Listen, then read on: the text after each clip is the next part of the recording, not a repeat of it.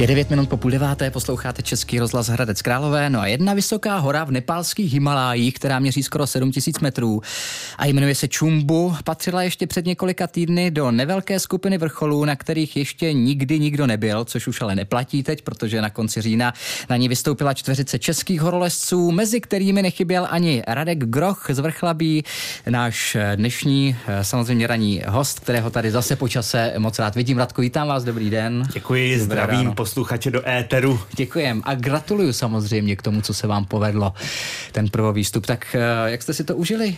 Užili jsme si to na výbornou, tentokrát nám přálo počasí, eh, čumbu, nádherná hora a vlastně ta příležitost vystoupit na dosud nezlezenou horu, tak to samozřejmě pro horolezce je obrovská výzva a já jsem rád, že se nám, mě to tady s partou krkonožských hmm, přátel povedlo. zadařilo. Jasně. Takže je to, je to jaksi větší výzva, než eh, slést nějakou horu, kam se uh, leze běžně?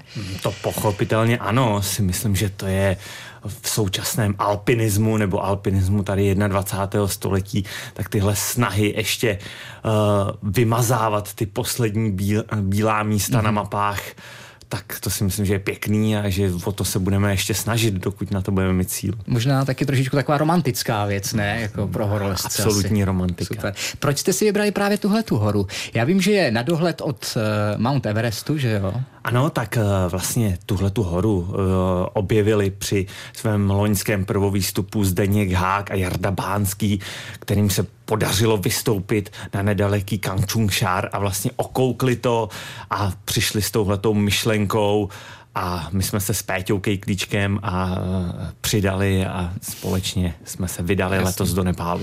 Eh, já jsem na ní koukal na fotce, teda samozřejmě na tu horu, jak jinak, než na fotografii. A docela mě překvapila eh, vlastně ta cesta, kterou vy jste si vybrali, to je taková jako strn, strmá, hodně strmá stěna, já nevím, jak, jak je to vysoké.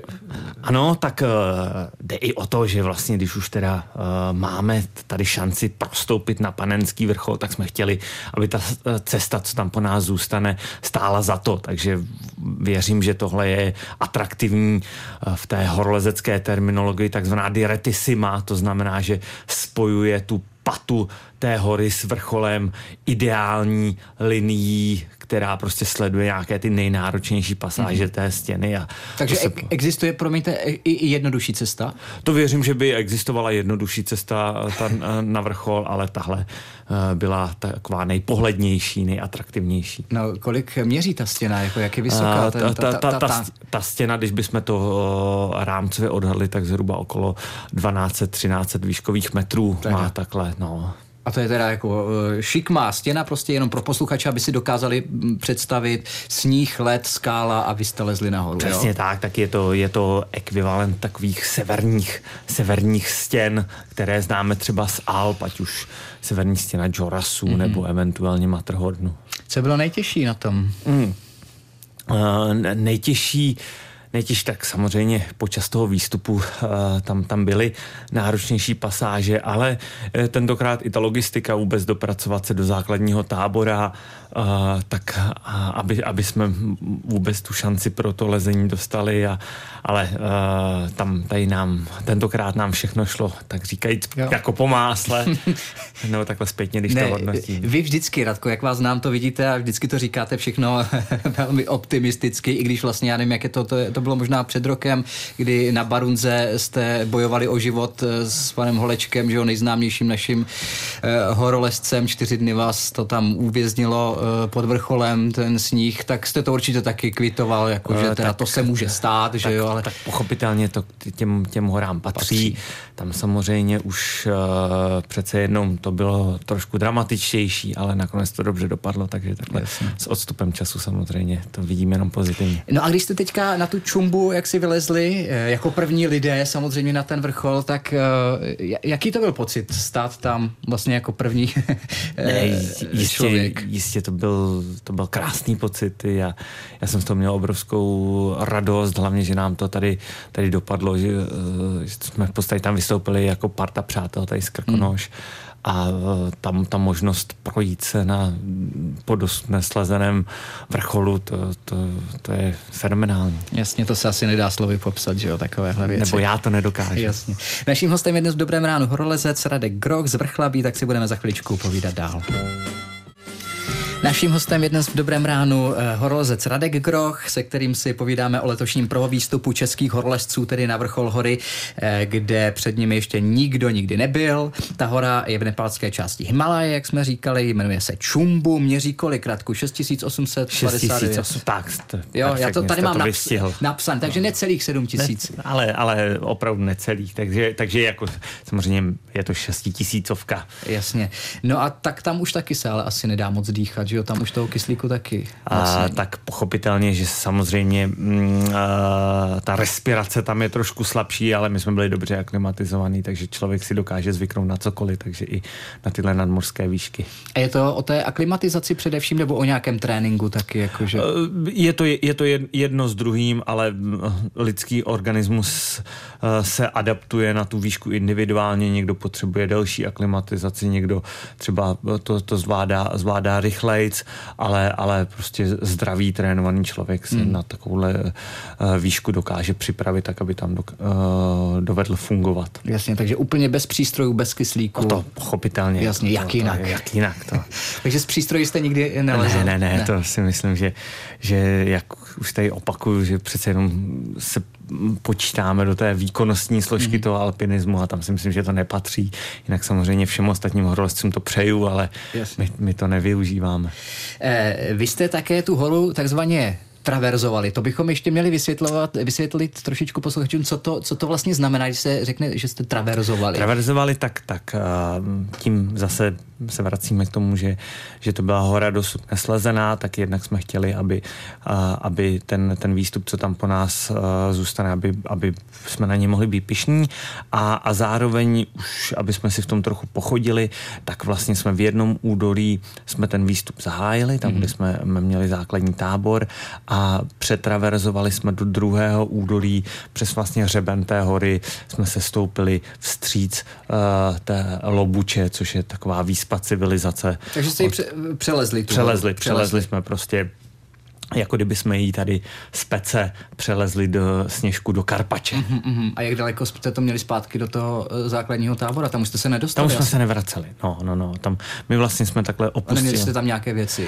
Uh, měli, měli. Do, do, do, do posavat jsme se s nimi neskledali, ale věřím, že tady nepálští přátelé nám je nějak doručí. Jo. Takže uh, co vy jste tam nechal? uh, tak, tak samozřejmě nějaké uh, nějaké osobní věci, tady i peněženku jsem tam třeba nechal, ale peněženku, tak, to je tak, takže doufáte, doufáme, že vám prostě že, že se to doručí zpátky. No tak ještě jednou k tomu samozřejmě velkému úspěchu moc blahopřejeme. Ještě můžeme připomenout, že jste to tedy byl vy, Radku, potom Zdeněk Hák, ano. jak jsme říkali, Jaroslav Bánský a Petr Kejkliček.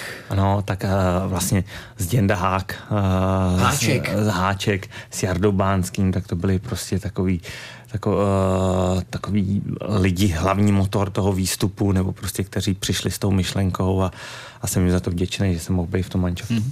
Kolik hor jste vůbec slezl od doby, co jsme se neviděli? Já vím, že jste tady naposledy u nás byl právě v minulém roce, po tom, co jste se s Markem Holečkem tedy dostali úspěšně ze spárů té Barunze, kde vás, jak jsme říkali, na čtyři dny asi uvěznilo to počasí a ten souboj sledovala doslova celá republika. Bylo to velmi napínavé tady. No, vy jste tady nebyl, vy jste byl tam uvězněný, takže, ale víte asi, pak vám říkali, co se tady odehrávalo. Jak ne? říkáte, tak to jsme samozřejmě uh, uh, ne rád, ale tak uh, jsem určitě rád, že to dobře dopadlo. A tady Jasně. ještě bych k té otázce uh, s Markem Holečkem jsme vlastně v uh, srpnu letošního roku se pokusili o prvou výstup na naprosto ikonický karakoranský vrchol Mašebrun, uh, přes 7800 metrů vysoký, bohužel uh, vzhledem k počasí a podmínkám, které panovaly ve stěně, jsme se otáčeli hruba ve výšce 7300 metrů. Doufám, že budeme mít možnost se na vaše Brun vrátit, mm-hmm. protože uh, to je obrovská výzva. A... a vy jste říkal, že to je ikonická hora, to je taká K1. K1. K1 všichni je, známe K2, všichni že jo? známe K2, ona je v podstatě na dohled, uh, ale uh, Mašebrun je takový tam solitérní vrchol s, uh, se skalní špicí, vlastně K1 to bylo mm, pojmenováno podle toho, že kdysi v nějakých těch pionýrských dobách, kdy, kdy vlastně se teprve mapovali tahle ta část Karakoranu, tak se dlouho myslelo, že to je nejvyšší hmm. hora, tak proto K1, až pak země měřiči odhalili že tam má vyšší kolegyně, hmm. ale, ale ta, ta její krása a nedostupnost jí, jí pořád zůstávají. Vlastně na vrcholu Eh, bezmála 40 let nikdo nestál a, a tou naší linií, kterou jsme si vytyčili, tak tam ještě nikdo nedokázal prostoupit, tak hmm. Eh, věřím, že to máme do budoucna velký cíl. Jasně, takže chápu to, že se tam chcete vrátit no. samozřejmě a dokázat to a dotáhnout to do, do konce. Co vás čeká teď v zimě? Eh, nějaké lezení taky nebo zůstanete uh, hezky dole tady v Nížinách ve Vrchlabí?